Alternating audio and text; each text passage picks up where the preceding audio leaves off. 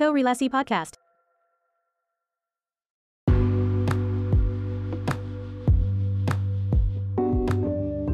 Oke, kita ketemu lagi uh, di podcast korelasi, sebuah obrolan podcast yang membahas tentang arsitektur dan obrolannya yang mencari keterkaitan sebenarnya, korelasinya dengan berbagai aspek dan bidang. Hari ini kita kedatangan satu tamu, satu teman ngobrol. Uh, ada Jimmy di sini, Jimmy Adi Sastra. Kenalan saya dari zaman SMA, dan juga melanjut di sama topik obrolan kita siang hari ini sebenarnya korelasi arsitektur dengan aspek Halo, halo. travel.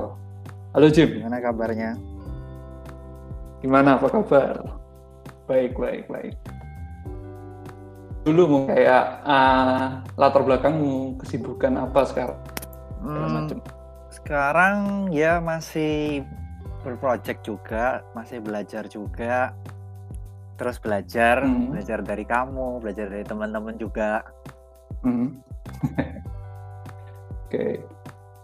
Eh, kamu sendiri di awalnya dulu kan aku sempat inget banget ya pas kita SMA itu ada satu waktu itu kamu manggil aku terus nanya tentang arsitektur di Kapetra sendiri. Em, keminatannya ke bidang ini, ke bidang arsitektur ini sebenarnya eh, sudah dari kecil atau justru munculnya pada saat ingin berkuliah dan lain sebagainya itu kayak Hmm. gimana? Sebenarnya gini, s- aku pribadi itu suka sekali dengan hal-hal yang mini-mini, jadi miniatur, yang di Hmm. scale kecil. Nah, suatu, suatu hari Hmm. waktu aku kecil itu, aku lihat ada satu kayak ex bukan exhibition ya, eh, satu kayak window shopping gitu. Nah, di situ tuh ada kayak Hmm. landscape landscape ada pegunungan terus di situ tuh ada mungkin mungkin dia promosi mainan itu toko toko mainan dia promosi mainan terus ada eh, mainan kecil-kecil gitu jadi di situ tuh aku merasa kayak wah unik ya asik ya Eh, Hmm. apa sih yang berhubungan dengan kerja nah di situ aku coba cari-cari ternyata itu adalah eh, seorang insinyur gitu itu adalah pekerjaan seorang insinyur gitu. Hmm. Nah, dari situ aku mulai Hmm. mulai cari-cari eh, lebih lebih dalam. Kira-kira itu mungkin SD kelas Hmm. 2 kelas 3 lah. Nah, kebetulan Hmm. eh ayahku sendiri itu insinyur gitu. Cuman aku masih belum tahu eh, arsitek Hmm. itu bagaimana. Iya. masih luas gitu ya insinyur Pokoknya gitu ya. setelah Nah, setelah berhubungan dengan mini itu aku suka sekali ber, eh, bereksplorasi suka ngumpulin barang-barang yang kecil-kecil yang di scale di scale begitu dan hmm. terus pelan-pelan eh, aku mulai cari lagi oh ternyata banyak berhubungan dengan Hmm. gambar banyak berhubungan dengan eh, sketsa nah di situ aku mulai tambah suka gitu sampai terus gitu sampai eh, Hmm. kuliah dan seterusnya Oke. Terus eh, sebenarnya kan banyak orang yang kemudian menjadi arsitek karena latarnya itu suka menggambar gitu ya. Kalau gambar sendiri dibandingkan apa skill model yang tadi ya, itu mana duluan sih kalau di kamu ke kesukaannya itu ke yang mana duluan? scale model sih Skill model. Terus mencari tahu tentang itu ternyata itu kaitannya juga sama desain gambar gitu ya. iya benar Oke. benar banget gitu Oke. Terus em, kan kemudian masuk ke jurusan arsitektur dengan pemahaman yang uh, mengejar yang tadi ya sebenarnya Uh, keminatan tentang scale model, desain dan lain sebagainya. Saat kemudian sudah masuk ke dunia perkuliahan gitu, uh, kan prosesnya biasanya seperti itu ya. Makin mengenal bidang ini kan sebenarnya saat berkuliah. Ekspektasinya terpenuhi nggak sih? Em, terpenuhi sih jadi Uh, jadi mungkin gini eh dari dulu eh, karena itu kembali lagi ya waktu Hmm. waktu waktu SD itu itu kan eh, aku lihatnya itu kayak mainan yang di display tapi berhubungan juga dengan kerjaan hmm. Nah, itu fun tapi menyenangkan benar, gitu ya. Benar. Jadi selama kuliah mungkin kan kita gambar apa cuman gara-gara kemajuan teknologi Hmm. gambar tangan tuh bergeser ke komputer. Jadi setiap kali buka komputer, setiap kali bikin maket itu menurutku kayak kita bermain gitu. Bermain Hmm. maket, mainan, bermain game di komputer seperti itu. Jadi feel-nya itu selalu fun dan enjoy gitu. Gak pernah kayak Hmm. eh, aduh kerja lagi, aduh buat tugas lagi, buat makan lagi enggak. Jadi Mhm. aku selalu funnya di situ gitu. Oke. Karena pada saat berkuliah kan sebenarnya ada skill model yang kita lakukan juga ya. Bahkan di Benar. tahap awal pun kita membuat market gitu kan ya ceritanya. Itu Iya, kan sebenarnya replikasi dengan skala ke imajinasi kita seperti itu. Iya. Tapi kan tadi harapannya kan di awal itu kayak desain by komputer dan lain sebagainya. Eh, di awal-awal masuk kan sebenarnya kita belum pakai komputer ya. iya. Itu itu ada ada handicapnya nggak sih? Oh, Enggak, gini gitu. karena bermainnya bermain di market itu. Ada Tetap mainan. model itu tadi ya. Iya bener. Oke, um, Gitu. terus kan uh, sedikit cerita juga ya mungkin. Uh, kan kita SMA di Saint Louis. Terus kemudian uh, saat masuk jurusan arsitektur itu seingatku dulu pada saat kita baru pertama masuk kuliah kan kita uh, cerita seangkatan gitu ya buat uh, pendengar juga. Um, satu orang yang tak temui yang dari SMA yang sama itu kan cuman kamu ya sebenarnya Haha, iya. di, di, di waktu itu gitu. Terus kemudian uh, di SMA mungkin kita ngobrol juga nggak terlalu intens, nggak terlalu sering. gitu ya. Iya. Makin kemudian masuk ke dunia perkuliahan itu makin makin intens gitu karena satu angkatan dan lain sebagainya. Nah kemudian dari perjalanan setelah lulus kuliah uh, apa ya perjalanan arsitekturnya seorang Jimmy itu kayak gimana? Hmm, jadi eh, hampir lulus itu eh, saya dapat tawaran pekerjaan. Saya dapat tawaran pekerjaan. Waktu itu saya kerja kurang lebih satu tahun di, di biro itu ya. ya di biro arsitek kecil Ah. juga. Heeh. Nah di situ eh saya melihat banyak hal yang baru yang saya nggak pernah imajinasikan atau nggak pernah saya eh, perkirakan sejak Hmm. kuliah gitu. Hmm. Dan banyak sekali hal-hal baru yang menurut saya eh, harus harusnya sih diterapkan dalam perkuliahan gitu. Apa sih, eh, contohnya kayak ketika kita kuliah itu tuh kita banyak sekali melakukan cheating produk. Maksudnya gini, Kayak Oh. gimana sih? oh gini aja supaya selesai, karena nggak mungkin diperiksa. Ah, Gini aja di, diakalin karena nggak mungkin dicek.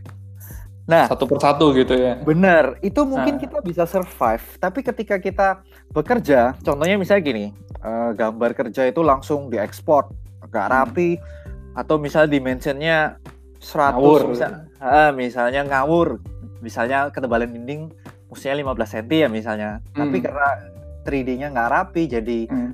15,3 nah itu kan langsung di text of right kebanyakan kan seperti itu mungkin nggak salah. Ketika di kuliah kita bisa lolos tapi Hmm. ketika di ketika kita di kerja gambar Hmm. kerja kita itu nggak mungkin hanya dipegang kita. Akan dioper ke interior ke kontraktor. Dan setiap eh, instansi itu punya standar masing-masing pasti Hmm. gambar kita kelihatan pasti hmm. ngaconya kelihatan gitu jadi eh itu sih yang yang menurut saya mesti di itu terus kedua Hmm. hmm, waktu kuliah mungkin kita ser- kita jarang banget kayak ada kunjungan project atau terlibat Hmm. dengan sibuknya di kampus doang gitu ya. eh bener gitu jadi hmm, ya mungkin nggak ready gitu Nah, itu sih. oke. Terus eh, kan tadi eh, apa ya istilahnya kayak perjalanan arsitekturnya setelah lulus kuliah ke biro arsitektur mengetahui beberapa hal sebenarnya yang perlu dikerjakan lebih serius karena gambar itu media komunikasi kita sama pihak lain Benar. gitu ya. Cara Iya. tim yang mewujudkan si rancangan itu jadi objek nyata. Setelah dari biro itu ceritanya ke mana? setelah dari kurang lebih satu tahun itu eh, saya eh, banyak dapatkan hmm, eh, lumayan lah ada beberapa project Hmm. Sendiri Terus, itu ya. Iya sendiri saya Ah. Saya coba eh, explore sendiri bik- Hmm. bikin studio kecil sendiri nah Mhm. pelan-pelan seperti itu sampai hari ini gitu Oke. Jadi eh, pengalamannya itu dari biro, kemudian mentas gitu ya bahasa Jawanya, terus eh, ya mencoba memberanikan diri dengan segala apa kemampuan pengetahuan yang sudah didapatkan Iya. pelan-pelan itu coba growing sendiri gitu ya, bikin sendiri Iya. gitu. Nah, Iya. sampai sampai sejauh ini perjalanan dari eh, tadi kuliah, terus kemudian biro, kemudian eh, bekerja sendiri, membuat membuka studio. Definisi arsitekturnya masih sama nggak sih sama yang dulu? Atau kalau menurut Jimmy yang versi 2020 ini, arsitektur tuh? Hmm, agak bergeser sedikit sih, bergeser Gimana, sedikit tapi uh, tetap kalau saya bilang sih idealismenya idealismenya itu tetap, hmm. cuman lebih bergeser ke realistis gitu. Uh, contohnya, contohnya gini. Gimana, gimana? Kita sama-sama tahu ya. Uh, saya sih paling seneng uh, arsitektur itu arsitekturnya Zahadid. Menurut saya itu luar biasa. Uh, mau kita lihat Zahadid Sesim ya. Uh, mau kita lihat Sahadit yang tahun 90-an sampai tahun 2000-an itu pasti tetap amazed gitu. Dia mau pakai teknologi hmm. yang paling baru atau teknologi yang paling hmm. lama itu tuh tetap amazed gitu. Dan uh, hmm. kebetulan hmm. saya ada beberapa kali ada beberapa waktu pernah lihat langsung gitu. Jadi amaze-nya itu setelah dari gambar dan lihat langsung tuh iya bener. Jadi makin terjadi uh, gitu. Ya. Seperti itu. Jadi walaupun kita idolize uh, arsitek tersebut bukan berarti kita harus seperti dia enggak. Cuman intisarinya how to solve-nya uh, hmm. bagaimana dia dapat ide itu sih yang tetap saya pegang sampai sekarang gitu. Iya, bener. Walaupun dengan penyesuaian-penyesuaian gitu ya. nah, terus kalau arsitektur ala JIT sendiri ya, nama bironya Jim ini kan JIT Architect um, sebenarnya kan kalau kita lihat berbagai macam biro yang ada di Surabaya contohnya konteksnya di tempat kita bekerja gitu. Hmm. itu kan biro banyak banget segala macam. Uh, tiap tahun begitu ada uh, mahasiswa baru lulus juga muncul biro-biro baru studio-studio baru dan lain sebagainya. Uh, ada message tertentu nggak yang ingin di deliver dari JIT sendiri? Hmm, sebenarnya gini nggak uh, setiap project berhasil. Tapi setiap okay. project saya selalu berusaha untuk deliver message setepat mungkin sesuai dengan hmm. kliennya. Kalau kita ngomong rumah ya, kalau kita ngom hmm. kita ngomong non rumah lain lagi gitu. Jadi hmm. uh, kita selalu berusaha membuat space yang uh, better dan different dari yang lainnya gitu. Jadi mungkin hmm. gini, uh, bisa kita ngomong yang studi yang kasus yang paling banyak ini rumah. Uh, sometimes hmm sekarang tuh desain tuh seperti fashion gitu. Jadi. Kadang-kadang tuh wah ada teknologi ini, ada material ini, semua pakai, semua lomba-lomba memakai gitu ya. Uh, ada hmm. bentukan yang lagi ini, semua pakai. Nah, mungkin gini di, di, di tengah jalan kebetulan sama gitu. Kita kebetulan hmm. sama, approach-nya sama, mirip gitu. Hmm. Karena kita tahu uh, oh kok kayaknya ini udah ini. Kita berusaha udah kita yang ganti, kita ganti gitu. Jadi uh, selama ini sih kalau di di di saya di tempat di tempat kita uh, kita selalu berusaha hmm. kayak coba explore lagi apa sesuatu yang sesuatu yang berbeda sesuatu yang lebih gitu hmm. susah nggak apa-apa gitu jadi nah kelemahannya kalau itu kalau coba yang susah hmm. coba yang apa mungkin nggak 100% berhasil nggak 100% ada sacrifice-nya gitu ya nah, benar tapi kita berusaha untuk uh, capai itu sih Hmm. Itu arsitek ala jet gitu ya. Jadi uh, berupaya sekecil mungkin tuh ada kebaruannya gitu ya. Uh, uh. Uh, berkaca tadi sebenarnya sama Sahadit yang itu kan skalanya besar gitu ya. Kebaruannya hampir di setiap projectnya dia deliver something yang new gitu ya. Uh, yeah. Bentuknya, materialnya bahkan. Bahkan space juga, space itu paling utama sih. Ya, kan kita kadang emis itu cuma dari gambar begitu datang ke apa ya datang ke bangunan aslinya itu kan kita merasakan jadinya. Tidak hanya melihat tapi merasakan. Ruang yang dibentuk dari uh, bentuk-bentukan material dan lain sebagainya itu kan uh, efek bomnya itu masih makin terasa gitu kan ya.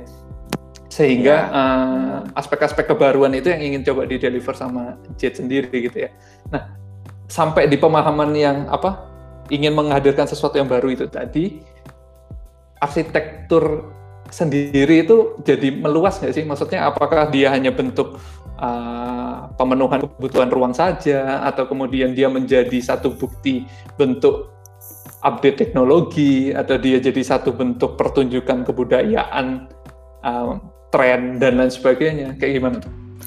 Hmm, jadi ketika kita desain itu uh, karena ini real real ya kalau kita hmm. bicara konteksnya kan tadi kita dari SMA dari kuliah sama-sama sekarang hmm. real tuh banyak sekali batasan gitu nah. batasannya tuh luas gitu budget udah pasti terus juga hmm. uh, peraturan macam-macam jadi uh, hmm. di sini tuh walaupun kita idealis, walaupun kita uh, kita ngomong wah ini bagus apa, tapi tetap banyak sekali batasan yang harus kita pertimbangkan dan kita terima gitu. Jadi nggak nggak bisa hmm. selamanya kayak uh, wah ini bagus, ini pasti keren apa nggak bisa gitu. Jadi pasti ada aspek yang lain gitu. Jadi hmm. wah gara walaupun startnya keren, bagus, mahal, bisa aja ya endingnya ya biasa. Nggak sesuai ekspektasi.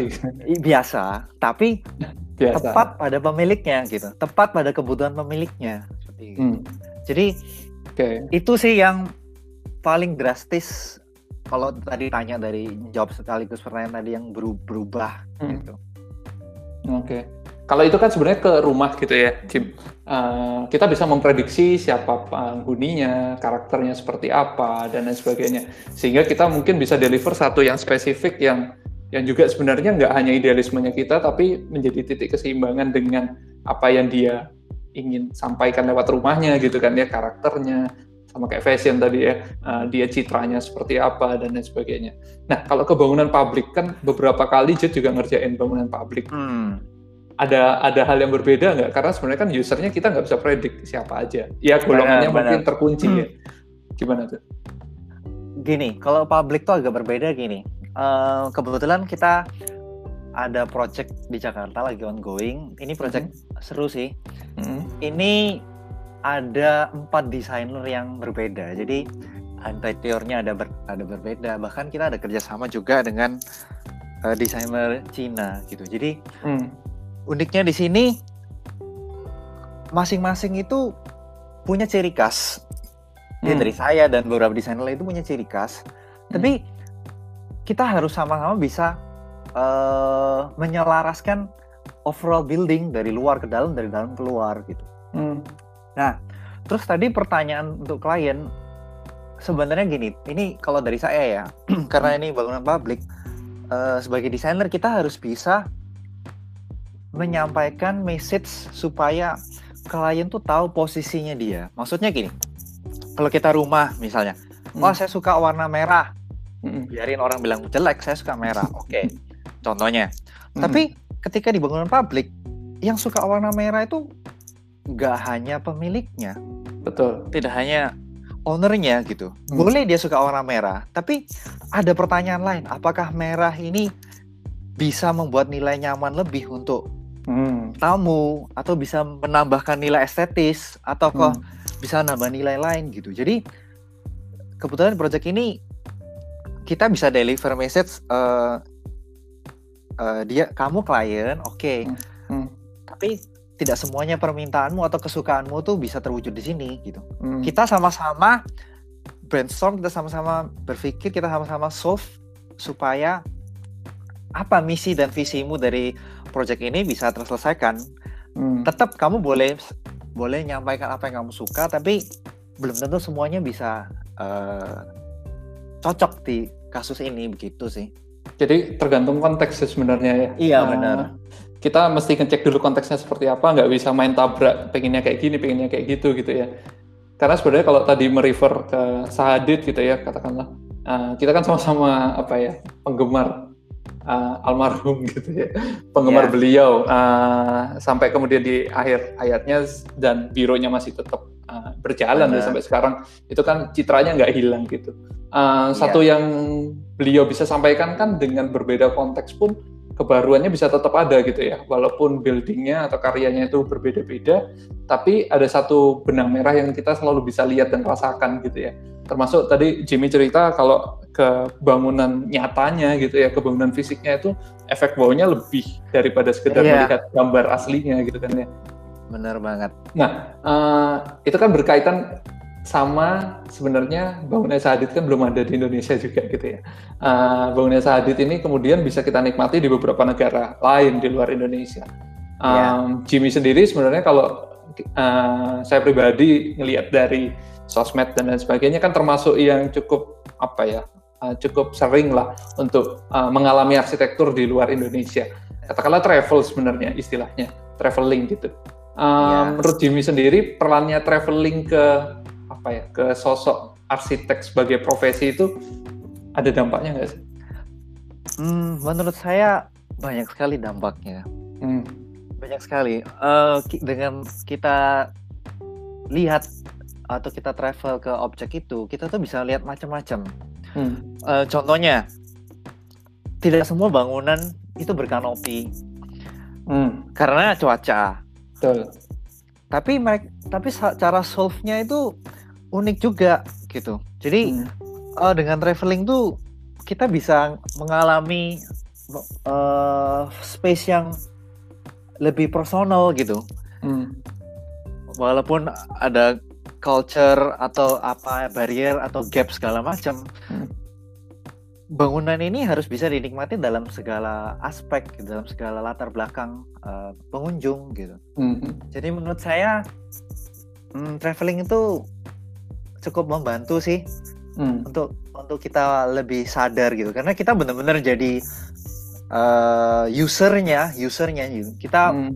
Bukan sebagai arsitek bukan sebagai kita benar-benar jadi sebagai usernya gitu Hmm. maksudnya gini kalau kita misalnya mu- museum ya kita ke Hmm. kita ke bangunan museum gitu kita akan beda banget approach-nya gitu loh Hmm. dengan museum-museum yang di Indonesia Hmm. dengan museum-museum yang di Asia itu semua itu banyak sekali gitu latar belakang Hmm. karena culture karena macam-macam gitu jadi di situ tuh kita bisa belajar macam-macam gitu Oke. Terus kan sebenarnya saat kita traveling itu kan kita mengalami gitu ya. Sedangkan Benar. arsitek kan sebenarnya nggak hanya create physically tapi creating experience gitu ya. Dia menciptakan pengalaman juga dengan ruang-ruangnya.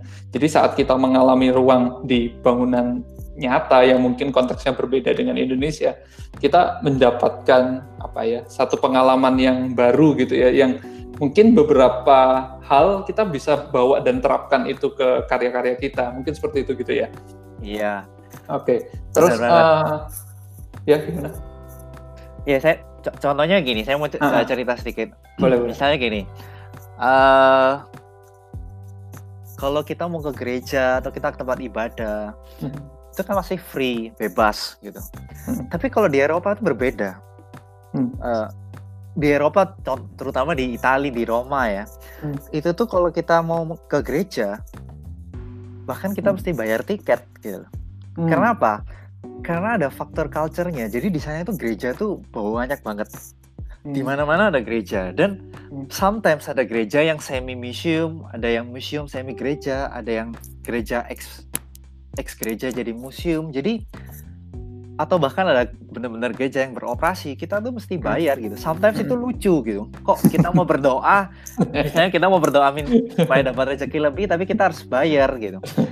Nah hal itu yang itu yang eh, unik gitu. Nah Ah. sekarang maksudnya gini. Kalau kita harus bayar kita harus beli loket kita harus apa pasti Hmm. approach desainnya tuh berbeda. Loketnya di mana entrance-nya pasti berbeda semua gitu. Hmm. nah hal-hal seperti itu yang eh yang kita mungkin nggak sadarin kalau kita Hmm. cuma lihat gambar apa tapi kalau kita lihat sini lihat langsung itu mengalami langsung gitu ya. ya kita bisa tahu hal baru hal yang unik karena ya itu faktor budaya dan lain-lain Beda konteks dan lain sebagainya gitu ya. ya Eh, dari sekian kan eh, Jimmy salah satu yang punya kesempatan untuk eh, berkunjung ke beberapa tempat gitu ya untuk mengalami arsitektur dan lain sebagainya. Dari pengalaman yang sudah ada itu boleh kasih referensi nggak sih mungkin ke pendengar dan lain sebagainya. Em, negara mana sih sebenarnya yang paling dan tanda kutip arsitektural gitu yang paling bisa dinikmati arsitekturnya? Atau masing-masing punya kekasan kayak ini tuh kayak gini, ini tuh kayak gini. Eh, sebenarnya banyak sih sebenarnya banyak kalau kita mau low budget itu di Hmm. Thailand tuh banyak banget Hmm. bagus-bagus Thailand bagus-bagus salah satu ar- arsitektur eh, Asia yang lumayan naik itu di Hmm. Thailand gitu Hmm. di Thailand tuh banyak bagus-bagus terus kalau kita punya Bagus dari lebih- aspek apanya tuh? Misalkan contoh kayak Thailand gitu. Itu apa sih yang kita Nah, bisa temuin di Thailand? Gini, kalau di Thailand itu tuh nggak terlalu jauh berbeda dengan penerapannya tuh tidak terlalu jauh berbeda dengan Indonesia gitu. Karena Hmm. faktor iklim, faktor culture. Jadi ketika kita lihat bangunan, kita belajar itu eh itu nggak terlalu berbeda gitu. Kita nggak terlalu shock gitu. Kita Hmm. nggak terlalu kaget gitu karena fa- banyak faktor yang mirip gitu, banyak faktor yang Hmm. mirip gitu Oke. walaupun ada yang berbeda. Jadi uh, kalau kita low budget itu di Thailand tuh bisa sih. Tapi kalau kita punya budget lebih, hmm. kita ngomong Asia. Kalau saya saran sih hmm. di Jepang sih, karena Jepang okay. itu coba lihat Pritzker Prize itu banyak sekali dari Asia tuh di Jepang. Arsitek-arsitek Jepang gitu ya. Pritzker Prize ya. Hmm, itu banyak sekali. Arsitektur-arsitektur Jepang tuh banyak dapat apresiasi gitu ya sebenarnya. Benar, benar banget. Dan hmm. di sana itu mau bangunannya itu sudah tahun 80-an apa itu tetap hmm. terjaga. Memang sudah berumur tapi tetap terjaga. Gitu. Hmm. Kalau tadi misalkan kita mencoba meng mengkategorikan gitu ya, um, tadi kalau Jimmy bilang kalau misalkan parameternya adalah budget, Thailand salah satu yang oke okay untuk dikunjungi gitu uh, secara arsitekturnya. Uh, kalau dari kacamata arsitekturnya sendiri gitu, nah arsitektur Thailand tuh yang kayak gimana sih? Uh, arsitektur Thailand itu menurut saya arsitektur tropical sih, dia arsitektur hmm. tropis. Hmm. Hmm, sekarang ini banyak sekali unsur-unsur fun yang diinjek di arsitektur tropis itu gitu. Jadi hmm. walaupun dia tropis tapi ada unsur funnya. Contohnya maksudnya unsur funnya itu uh, kalau kita lihat arsitektur yang uh, 90-an itu tuh semua hmm. menurut saya ya hmm. itu arsitektur yang semua tuh terus terang gitu. Tangga naik, hmm. naik semua terus. Nggak dimainin gitu ya? Iya benar kanopi lurus, langsung to the point utility talang ya gitu ya. Sekarang tuh banyak sekali banyak bermain-main fun. Mungkin itu nggak penting, tapi ada experience lebih, ada nah, experience nah, fun yang ditawarkan di situ gitu. Menurut saya hmm. itu menarik gitu Jadi itu poin plus di Thailand seperti itu. Hmm. Kalau di Asia gitu, misalkan kita beda satu-satu gitu ya. Di Asia tadi kalau low budget ke Thailand salah satu yang oke okay gitu. Mungkin Vietnam juga masuk ya. Vietnam, uh, saya belum pernah ke Vietnam sih. Uh, tapi kalau kita lihat search gitu ya, ya dari arsitekturnya menarik gitu ya. Sekarang juga banyak yang naik daun dan lain sebagainya. Kalau ya. lompat sedikit tadi menurut Jimmy kalau ada budget lebih gitu, ada rezeki lebih bisa eksplornya kalau eh, lingkupnya Asia ke Jepang gitu. Dari, dari Jepang sendiri uh, arsitektur yang seperti apa sih yang kita bisa temukan di Jepang? nah, kalau bicara arsitektur Jepang sebenarnya hmm selain Sahadit, saya paling suka arsitektur Jepang. Banyak banget hmm. sih. Hmm. Nah, kalau kita ini mungkin mungkin pertanyaan tidak berkaitan, tapi sebenarnya ini berkaitan. Jadi gini, hmm. uh, Sahadit itu kan wah ekstrim, uh, luar biasa, alien hmm. to alien. Gitu. tapi saya juga senang arsitektur Jepang. Kalau arsitektur Jepang itu kontradiktif sama tadi ya. Kon bener, kontradiktif. Nah, di situlah menurut saya uh, saya banyak belajar dari dua hal itu jadi arsitektur hmm. Jepang dan Sadit gitu hmm. walaupun uh, tidak ekstrim tapi hmm. sorry walaupun ekstrim tapi uh, nggak tidak ekstrim gitu jadi benar-benar kontradiktif gitu bagi saya berusaha menggabungkan dua dua soul itu gitu di hmm. setiap project saya saya selalu berusaha gitu nah terus kembali lagi apa sih yang bisa didapat di situ tuh hmm. banyak banget sih hmm. terutama space gitu terutama hmm. space-nya gitu dan di sana arsitektur yang star yang legend seperti uh, Tadao Ando uh, Tokyo itu itu hmm. proyeknya tuh hampir merata maksudnya merata tuh ada di mana-mana gitu. Jadi Dan dengan kalau, konteks yang berbeda-beda juga ya. Bener, kita kita ke satu kota, dua kota, itu tuh kita bisa dapatkan banyak gitu. Hmm. Jadi maksudnya maksudnya gini, kalau kita ngomong misalnya di Indonesia, oh arsitek hmm. Surabaya proyeknya di Surabaya semua. Walaupun hmm. dia terkenal misalnya dia star gitu. Arsitek. Enggak. enggak, walaupun Jakarta Jakarta semua enggak. Di sana itu ada di mana-mana gitu, di utara, di selatan gitu. Jadi menariknya seperti itu gitu. Jadi hmm. uh, beberapa kali saya ada kesempatan ke sana itu misalnya selatan, saya saya banyak ke selatan macam-macam. Hmm. Terus nanti hmm. naik lagi tengah, utara hmm. itu dapatnya banyak gitu Hmm. That's why menurut saya Jepang bagus banget gitu untuk belajar. Oke. Okay. Kalau yang dari saya amati kan sebenarnya Jepang ini arsitekturnya lebih apa ya kalau boleh diistilahkan lebih mikro ya, lebih lebih detail, skalanya lebih humanis gitu ya. Kalau Sahadi sendiri kan lebih publik, lebih apa ya makro skalanya dan lain sebagainya. Itu tadi yang sebenarnya jadi menarik gitu ya. Uh, Jepang sendiri uh, yang bicara hal yang kecil, Zahadid bicara hal yang besar. Dua hal itu sebenarnya bukan untuk dipertentangkan gitu ya, tapi Benar, lebih benar. saling melengkapi gitu kan. Ah, inspirasi yang kita bisa dapat dari keduanya itu sama-sama menarik dan lain sebagainya. Nah, kalau dari uh, arsitektur Jepang sendiri, kan contoh ya misalkan orang yang nggak pernah traveling, terus kemudian begitu punya rezeki, dia pengen untuk mengalami arsitektur Jepang, katakanlah seperti itu, kan kadang bingung ya, harus mulai dari mana dan lain sebagainya. Yang ada kan kalau ikut travel, uh, ikut agent dan lain sebagainya itu kan diarahkan ke objek-objek yang apa ya mainstream mungkin ya istilahnya. Hmm. Nah, sedangkan Jimmy sendiri kan kalau yang dari saya pribadi amati itu bisa aja nemuin apa ya kayak tadi kalau kita bicara uh, public building versus private building, sebenarnya di Jepang sendiri juga banyak bangunan-bangunan yang private kan yang menarik ya bukan bangunan publik sebetulnya. Nah, itu menemukannya gimana sih? balik lagi itu karena passion. Jadi Hmm. sometimes ada bangunan itu tidak terdeteksi, tidak terdeteksi di di mana pun tuh nggak ada, Di, di publikasi itu nggak ada gitu ya? nggak ada di publikasi gitu. Apalagi di ru- di rumah, misalnya kayak contohnya ada rumahnya So Fujimoto itu itu terkenal banget. Ha, House NA House NA Hmm. itu bahkan kalau kita search di Google Street itu tuh Hmm. diburemin request. Jadi ownernya kita nggak akan ketemu gitu, itu request. Nah Karena privacy ya. Bener, pro- Ah. privacy. Tapi karena fashion, ya Mm.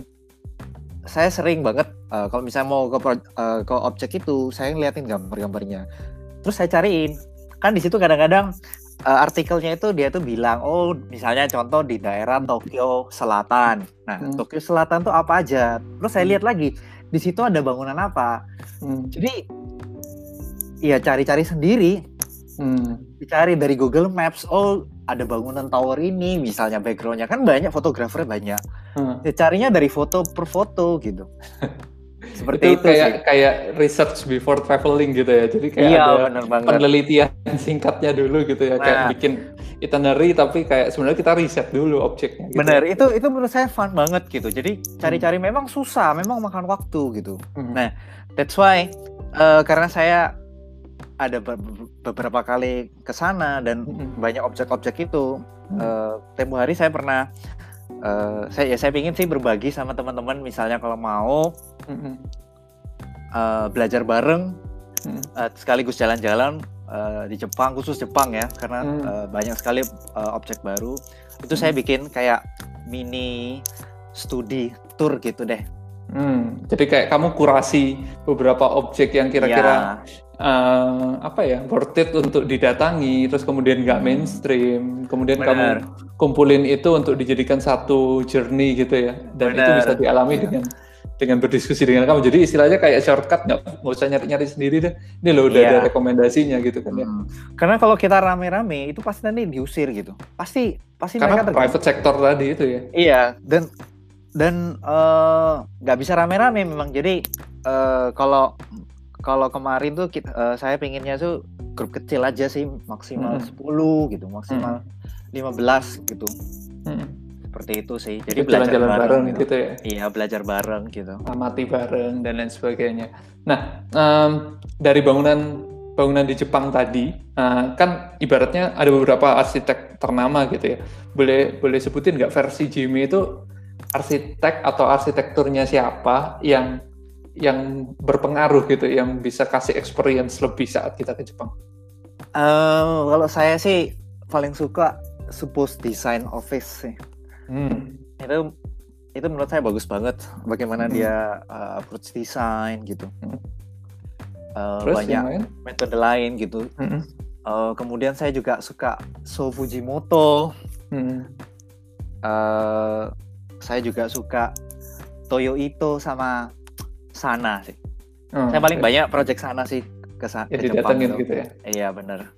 kalau kalau setelah mengalami sekian macam project di Jepang gitu ya mengalami experience dan sebagainya em, bisa describe nggak sih eh, apa yang membuat kamu ter terpesona gitu dengan arsitektur-arsitekturnya mereka bisa nggak sih dibawa ke sini gitu Bisa atau enggak? Tidak semuanya bisa.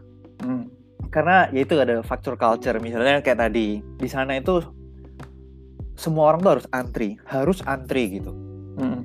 jadi ada space yang berbeda Hmm. diterapkan gitu dan cuacanya mendukung gitu sepanas-panasnya sana tidak mungkin Ya, karena Se- bukan tropis gitu ya. iya benar gitu jadi banyak faktor gitu Hmm. terus kalau di Jepang itu sebenarnya yang paling menarik itu eh, yang paling unggul di setiap bangunan itu Hmm. sebenarnya bukan bangunannya Ah. tapi manusianya gitu jadi setiap menurut saya ya setiap Ah. arsitek sana sih itu waktu mendesain itu hmm, dia berusaha bukan bangunannya yang spektakuler bukan bangunannya yang wow mungkin ya wow tapi sebenarnya value wow-nya itu lebih ke manusianya maksudnya gini bagaimana manusianya berinteraksi di dalam building itu bagaimana dia naik bagaimana dia duduk bagaimana dia masuk Membelah- itu menurut saya yang yang Kita kasih experience lebih gitu ya. Iya, itu itu kalau poinnya paling tinggi gitu. Jadi Ah. mungkin bangunannya So-so gitu ya. iya, tapi experience manusianya itu yang menurut saya setiap hampir setiap arsitek Jepang itu menomorsatukan itu gitu. Hmm. Human first gitu ya. Jadi kayak Iya, benar. interaksinya, Hmm. skalanya dan lain sebagainya. Ada ada satu contoh yang spesifik gak, Jip? Eh, satu bangunan atau satu arsitektur di Jepang, terus interaksi di dalamnya itu unexpected banget gitu, dan kamu harus ngalami ke situ, nggak cukup lihat fotonya. Hmm, Atau beberapa juga boleh sih. ada sih. Eh, sebenarnya banyak, cuman ini yang lagi keingat sih. Ya. eh saya lupa namanya. Ini ada di Jepang Utara Heeh, di Hokkaido. heeh. ini punya Tadao Ando. Jadi ada suatu eh, vihara, ada patung Buddha gitu.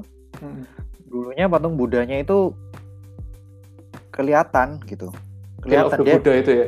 iya bener Hill of the Buddha gitu. Ah. Itu kelihatan Ah. gitu.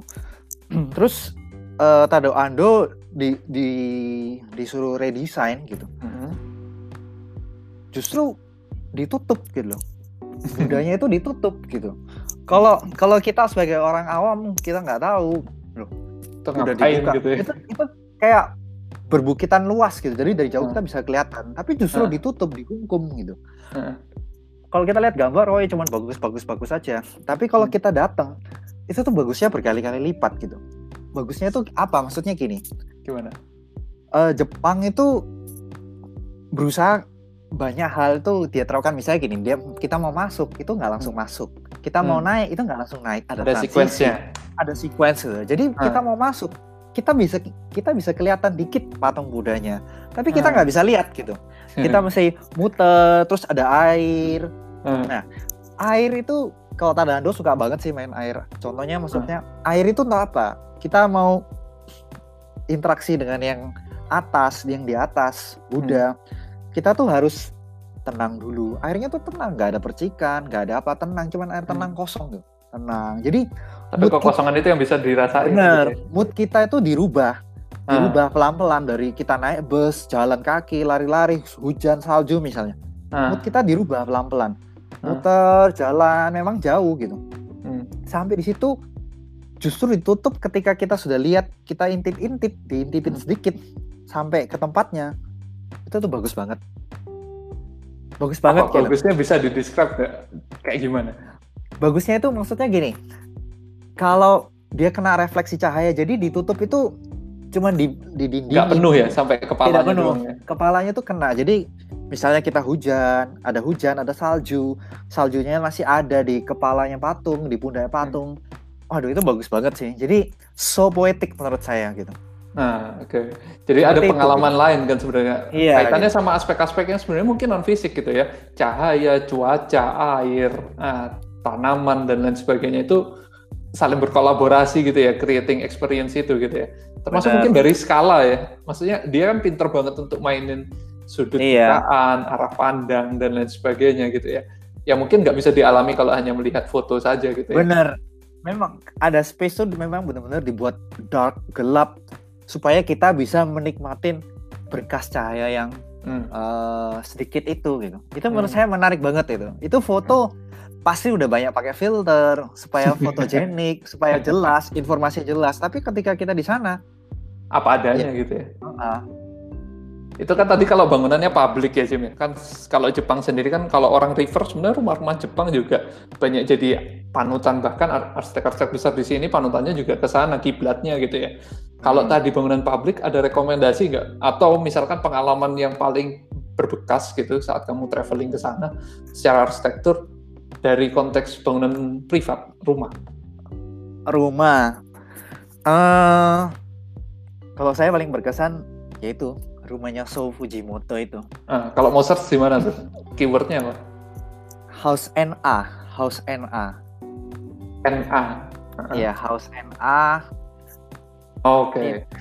Yang kayak gak ada temboknya itu ya? Iya, bener. Itu apa yang apa yang menarik? Masih ditinggali nggak sih sama orang dan Nah, ada sebenarnya ada cerita menarik gini. Gimana gimana? Karena So Fujimoto tuh star arsitek, banyak sekali orang tuh yang maksudnya kayak saya coba cari hmm. maksa cari lihat gambar ini jadi sering datang gitu hmm. sehingga uh, pemiliknya itu nggak nyaman banget hmm. nggak nyaman banget jadi ketika ke sana itu sebenarnya nggak ada penghuninya gitu. Nah jadi ini hmm. kontradiktif. Dan kadang ya, ya. kalau kita punya uang lebih kita pakai star arsitek bener rumahnya kita unik apa. Tapi kita jadi nggak nyaman gitu. Ini kayaknya berkait juga sama kemarin coba dengerin podcastnya eh bukan podcast ya uh, Instagram live-nya Arindra yang apa wawancara Andra Matin ya. Satu hal yang dia harapkan istrinya kalau nggak salah ya, Budita. Itu rumahnya udah nggak jadi milik mereka lagi itu kayak nah, udah jadi milik publik gitu kan ya nah benar jadi uh, kalau menurut saya ya menurut saya hmm. uh, kalau kita punya uang lebih kita mau pakai star arsitek itu nggak masalah tapi hmm. kita harus punya ada konsekuensi punya, itu ya? Bukan, kita harus harus punya deal dengan desainer tidak boleh dipublikasi, jadi aman. Ah, sih. Gitu. Jadi ya ada, ya yang bayar, yang menikmati ya yang bayar bener, itu gitu. Ada kok beberapa arsitek terkenal itu uh. itu memang ada deal seperti itu gitu. Jadi hmm. ya mereka nggak mau nggak boleh publikasi gitu. Hmm. Nah, kalau tadi nggak dipublikasi, terus kemudian karyanya menarik, beberapa objek ada nggak yang berhasil kamu temuin gitu? Ada ada apa yang paling berbekas ya itu rumah ya, juga uh, aduh saya saya lupa ada di Instagram saya. Ah. itu firehouse kok nggak salah istilahnya. Ah. karyanya? House firehouse. Uh, sebentar sebentar. Itu nggak ada tidak tidak ada sama sekali di publikasi sih gitu temuinnya gimana? Sebentar ya. Ini kayak cari minta tips dan trik gitu ya. Kayak kalau mau bikin itinerary jalan-jalan gitu ke objek yang nggak mainstream itu gimana sih? Apa yang dicari keywordnya apa tadi Jimmy oh. sempat mention juga ya beberapa kali kayak coba cari fotonya di situ mulai yeah. ditelusuri dan lain sebagainya gimana tuh uh, rumahnya Akihisa Hirata mm-hmm. Trisnes House Akihisa sambil browsing juga ya, ya Akihisa Hirata huh? rumahnya namanya Trisnes House Oh, Christmas pohon gitu ya? Iya, Christmas house. Itu rumahnya unik banget sih. Huh. Oh, oke. Okay. Uh, itu salah satu rumah yang juga saya pakai metode tadi itu. Nah, kalau kita ke rumah-rumah yang sudah banyak dipublikasi di Jepang itu, hmm. itu kadang-kadang kalau kita ke sana itu ketemu dengan orang-orang yang juga lihat gitu. Di sini itu benar-benar tenang, tidak ada yang tahu gitu. Padahal di publikasi ya, kalau di search-nya di Art Daily juga ada gitu ya. Maksudnya benar di publikasi, tapi, tapi tidak pernah. unknown gitu ya. Iya benar. Ah, Lokasinya okay. unknown gitu. Dan pas saya ke sana itu masih konstruksi juga sih. Hmm. Jadi masih Belum konstruksi. Jadi. Iya benar gitu. Oke. Okay. Tadi kan tips triknya salah satunya nyari lewat foto gitu, coba ditelusuri. Terus ada yeah. ada street view mungkin ya yang kita bisa pakai juga untuk tools mencari. Ya. Selain itu ada nggak sih tips trik untuk nyari objek menarik gitu secara arsitektur? Uh, mungkin ada, cuman yang saya lakukan kira-kira itu sih sejauh ini. Kalau uh, mungkin, mungkin ada boleh, metode lain. Uh, kalau saya pribadi ada, salah satunya uh, juga nyarinya kan di contoh Instagram gitu nyari tag-tag yang uh, nggak mainstream terus cari location oh, iya, dan sebagainya. Bener itu juga. Termasuk juga ya. Iya betul benar juga sih bisa juga hmm. ya intinya kalau kita passion pasti kita akan lakukan lebih sih dari orang orang lain lakukan gitu karena kita sebenarnya suka gitu ya. Bener. Nguli nyari dan lain iya, sebagainya. ya, kalau udah ketemu tuh seneng banget sih. Seneng banget gitu. Bahkan saking passionnya ini beberapa kali saya pribadi alami gitu ya. Kayaknya nggak pernah kebangunan ini tapi saking passionnya ngelihat denahnya lihat publikasinya kayak ke sana itu tinggal cuman me, me apa ya istilahnya? Kayak cuman me, memverifikasi gitu ya. Ah, bener nggak sih yang digambar itu saking hafalnya oh, gitu ya? Oh, iya, ini iya, masuknya iya. lewat sini terus kemudian oh ini nih kayaknya habis ini belok ini ada ini deh. Efek surprise-nya walaupun sudah tahu itu tetap ada gitu ya karena sebenarnya ya dialami langsung itu itu mahalnya di situ gitu kan ya. Yang yang dilihat di gambar itu enggak mungkin hanya merepresentasi sekian persen aja gitu. Tidak tidak utuh tidak kesatuan gitu ya. Ya benar-benar hmm. benar banget sih itu. ya. Terus tadi kan kalau Jepang tuh terus uh, Jimmy kan juga sempat mention Sahadid sebagai salah satu idola gitu ya objek-objek Sahadid mana mungkin kalau by design gampang milihnya ya, ada favoritnya dan lain sebagainya. Tapi yang pernah didatangi sejauh ini, yang berbekas di mana dan objek apa? Uh, salah satu yang paling berbekas itu salah dua deh. Salah satu yang paling nomor, nomor, satu itu di Korea. Hmm. Dongdaemun itu ya. Dongdaemun Park. Kebetulan hmm. saya ke sana itu waktu konstruksi. Jadi hmm. belum belum jadi, belum buka. Hmm gitu jadi memang aneh sih memang aneh alien gitu alien tapi ketika kita ke sana banyak sekali detail-detail yang outstanding contohnya gini kalau kita perhatiin landscape-nya landscape-nya itu uh, di, kalau nggak salah paving ya saya lupa paving uh, atau ah. cobblestone uh. kalau nggak salah paving uh. paving itu dia tuh pakai tiga warna grey black sama black banget gitu tiga. Uh, uh, Jadi ada gradasinya gitu ya. Hmm. Tapi yang bagus itu coba perhatiin deh. Dia itu nggak cuman lurus, nggak cuman flat, nggak cuman smooth. Ada paving yang bertekstur dengan hmm. ukuran dan warna yang sama gitu. Hmm. Itu uh, paving pattern itu sebenarnya juga giring kita untuk belok-belok gitu. Jadi itu bagus banget sih dan pengalaman itu nggak didapat saat melihat fotonya karena kita nggak bergerak di foto gitu ya benar gitu terus secara oh ya terus satu lagi juga yang di di Dong Diamond Park itu hmm. itu tuh dia ada sliding door yang miring dua aksis miring, hmm. miring dua aksis gitu jadi X dan Y-nya itu miring gitu. Hmm. Dan itu masih bisa bergerak dengan Dan masih bisa gitu. bergerak gitu. Asik banget sih, asik banget gitu. Hmm pengalaman itu yang mahal gitu ya untuk satu karya Sahadut di Korea. Uh, tadi salah dua ya. Yang ya. keduanya apa? Satu lagi itu yang di Milan sih. Yang Maxi. Uh, Maxi Museum benar. Uh, gimana? Apa experience yang kamu alami di situ? Uh, Maxi Museum itu uh, museum yang beda banget sih. Museumnya hmm. itu nggak besar besar banget, hmm. nggak hmm. besar besar banget menata museumnya itu mungkin tidak lebih bagus daripada museum pada umumnya karena dia punya hmm. space yang unik. Tapi hmm. ketika kita di dalam museum itu tuh semua gini, maksudnya gini, ketika kita jadi awam itu persis yang hmm. saya bilang tadi, ah oh ini pasti nggak enak nih natanya belok-belok sini gitu. Tapi hmm. ketika kita di dalam, hmm. pemikiran itu tuh pelan-pelan hilang ya? gitu. itu hilang gitu. Karena hmm. apa?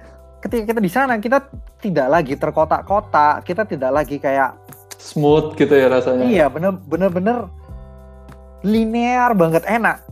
Menurut saya asik gitu. Oke, asik dari banget. efek sirkulasinya mungkin ya. Jadi kayak ngalir uh, flowing gitu ya. Iya, bener. Hmm. Terus uh, banyak lah di museum tuh kita bisa duduk-duduk, bisa istirahat, bisa jadi gini, museumnya itu selain kita enjoy artworknya kita juga hmm. enjoy hmm. space-nya experience-nya space-nya iya sometimes hmm. ketika kita sudah dalam ruangan dia ada hmm. breathe sedikit kita luar bisa interaksi sama outdoor hmm.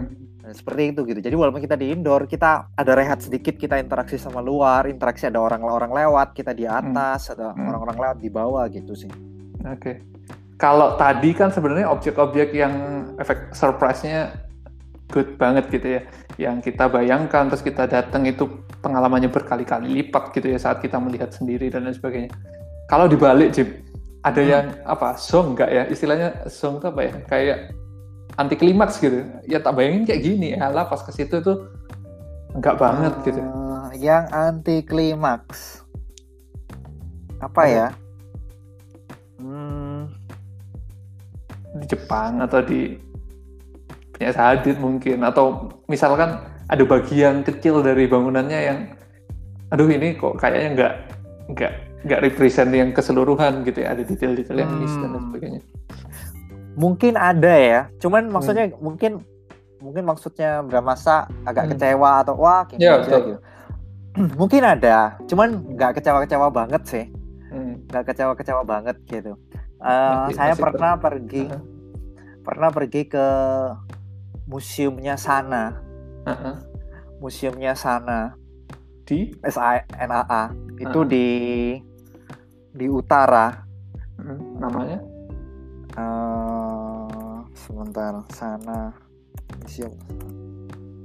Dia di utara. Aomori Aomori. Aomori Ah. Museum. Apa yang bikin anti klimaks? Atau sedikit mengecewakan? Eh, kecewa kecewa banget sih enggak gitu. Nah, jadi museumnya itu kalau di foto itu tuh besar banget gitu besar banget gitu. Skalanya ya. iya kelihatan kayak banyak lantai gitu. Tapi ke- ketika ke sana itu tuh overall cuma satu lantai dan yang punya dua lan tiga lantai itu cuma satu building gitu. Jadi dia tuh Hmm. banyak kayak building gitu. Kayak banyak masa box-box gitu ya. iya benar gitu. Nah, box box gitu tapi Atau ada bungkusnya itu nggak sesuai dalamnya gitu. Dalamnya ternyata Iya. eksponennya cuma satu lantai gitu ya. Hmm.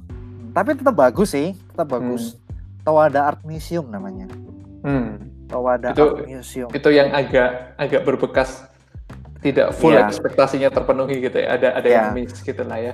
iya Nah, Dari Jepang kan tadi ceritanya Jimmy mention ada yang menarik itu sebenarnya culture-nya, bagaimana orang berinteraksi di dalam arsitekturnya.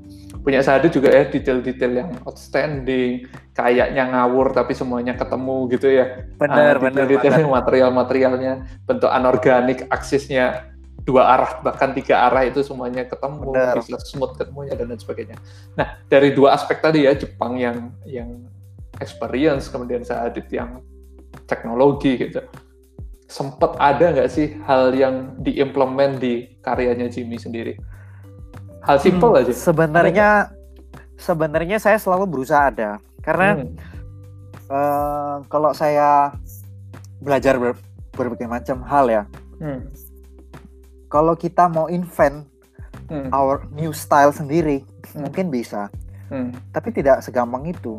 Hmm. tidak segampang itu gitu. Sadit bisa jadi Sadit tuh tidak segampang Hmm. itu. Begitu juga arsitek lainnya Sadit pun punya mentor.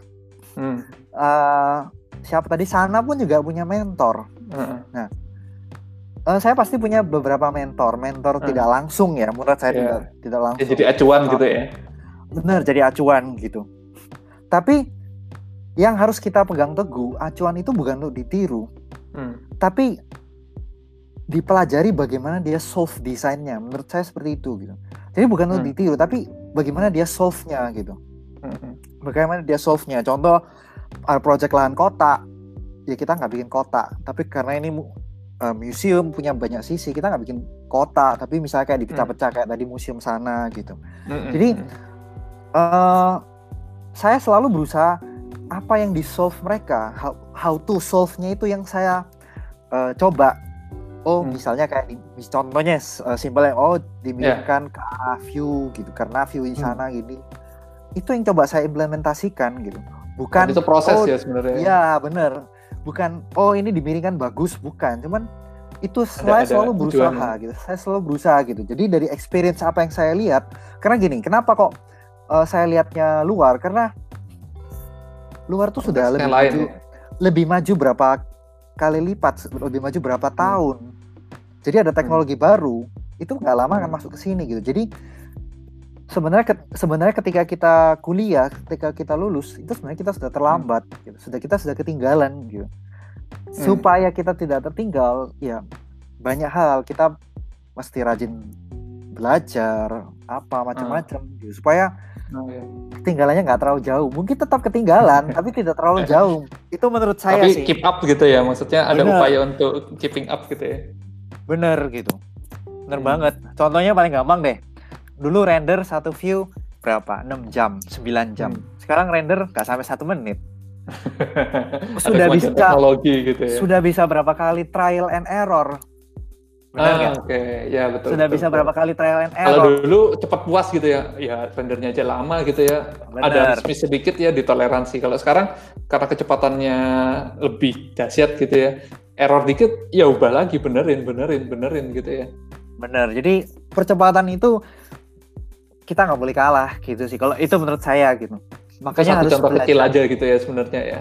Ada Benar. ada yang terus kita harus up, up- update diri ya, atau upgrade diri gitu ya terhadap perubahan-perubahan kecil itu. Kalau kita terbiasa melakukan itu, sadar nggak sadar tuh kayak kita terus berinovasi sebenarnya ya. Even hal itu hal kecil. Jadi sebenarnya saat Benar. ini prosesnya kamu konsisten dan lain sebagainya, lama-lama itu pengaruhnya bisa besar gitu ya. iya Mm-mm. itu benar banget sih. Oke.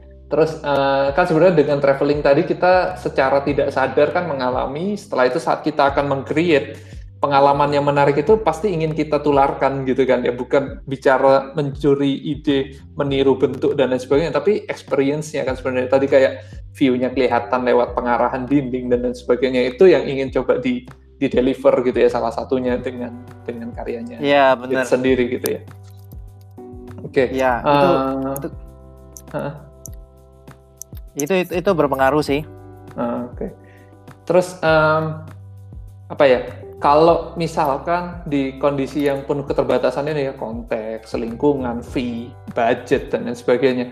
em, kalau disuruh milih nih trivia aja, merancang idealismenya full dari kamu, tapi nggak dibayar sama sekali, atau merancang yang kamu nggak banget, tapi bayarannya itu luar biasa. Yang mana? saya lebih baik nggak dibayar sih Tapi semua maksudmu itu bisa kamu tumpahkan gitu ya. karena gini kalau kita sudah bisa meyakinkan klien Hmm. misalnya kita pertama nggak dibayar Hmm. merancang sorry bukan bukan kita bisa meyakinkan Hmm. mungkin mungkin kita bisa meyakinkan dia untuk bayar walaupun sedikit Karena nggak? hasilnya ada ada yang wow-nya gitu ya.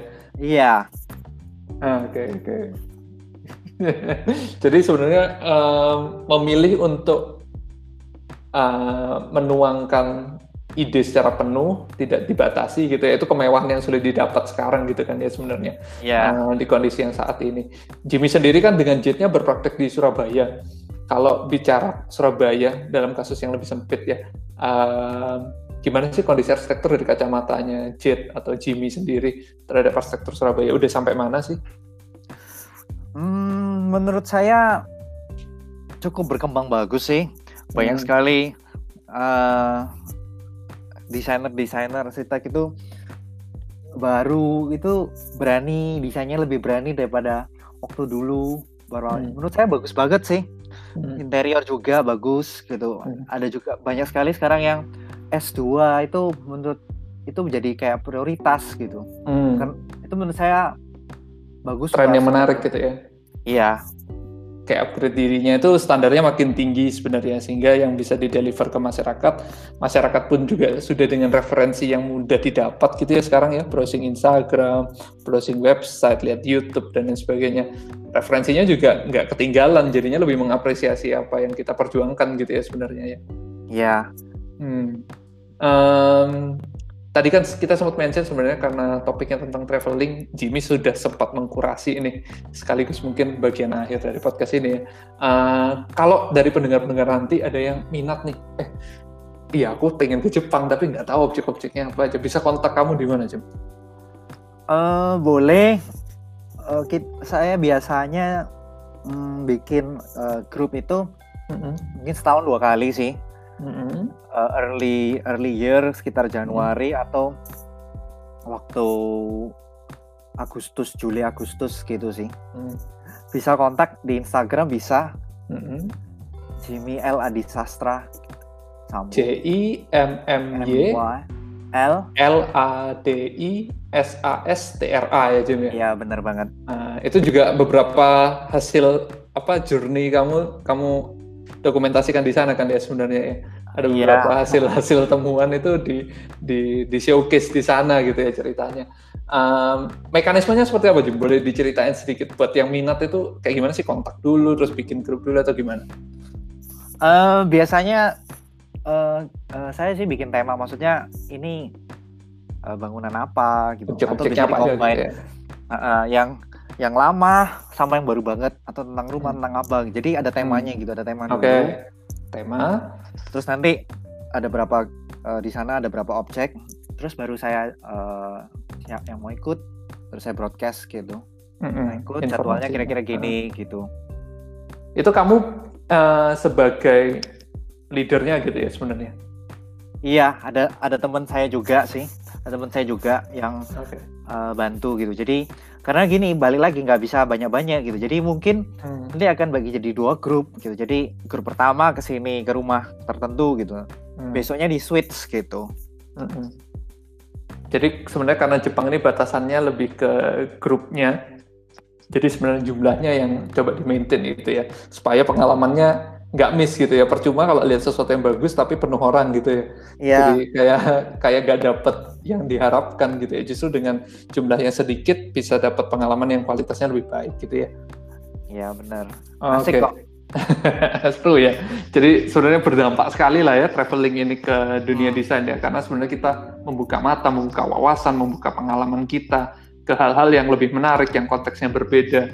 Jadi lebih kaya aja gitu ya saat saat traveling ini Uh, mungkin sebagai penutup Jim, uh, apa yang ada yang ingin disampaikan gak sih ke, ke teman-teman gitu, uh, message mungkin untuk arsitek-arsitek yang baru mulai atau arsitek-arsitek yang yang dalam proses seperti apa? Hmm, mungkin kalau dari saya karena tadi uh, Bramasta banyak mention tentang traveling. Uh -uh. Kalau saya saya bahasnya dari sisi traveling aja. Hmm, boleh boleh. Traveling memang mahal, hmm. tapi yang didapat tuh lebih mahal daripada yang kita bayar sih. Persis kadang ada orang punya istilah investment terbaik itu ya ya pengalaman gitu ya. Kalau barang kayak kayak ngapain beli barang gitu ya. Banyak kan ya belinya pengalaman termasuk traveling itu salah satu cara kita memberi membeli pengalaman gitu ya. Investasi betul ya juga sebenarnya. Iya. Asik oh, banget. Okay. Oke, okay, uh, eh, teman-teman nanti bisa kontak Jimmy juga kalau minat untuk travel ke Jepang. Kita mention sekali lagi ya akunnya Jimmy di J I M M Y L A D I S A S T R A. Itu di Instagram mungkin teman-teman bisa DM juga. Kalau mau lihat uh, portfolio karya Jimmy juga bisa. Ada Instagramnya Jimmy ya? Jet ya. Arsitek ya. C A D E underscore arsitek A R C H I T E C T itu bisa nanti ngobrol lebih lanjut lagi dengan Jimmy di situ. Oke, okay, eh, nggak uh, terasa kita ngobrol udah hampir sejam, bahkan sejam lebih gitu ya. Terima kasih Jimmy untuk ngobrol-ngobrolnya iya, di kesempatan kali ini. Semoga membawa inspirasi untuk semuanya. Uh, semoga kita makin rajin lagi traveling gitu ya. Nggak melihat itu sebagai sesuatu yang mahal, tapi sebenarnya dampaknya itu jauh lebih mewah ke kita gitu ya. Oke, okay. uh, terima kasih Jim uh, you, untuk kesempatannya. Uh, semoga bisa bermanfaat untuk yang lain juga. Yeah. Uh, sampai ketemu di podcast korelasi selanjutnya. Sama -sama. Terima kasih, sampai yeah. ketemu.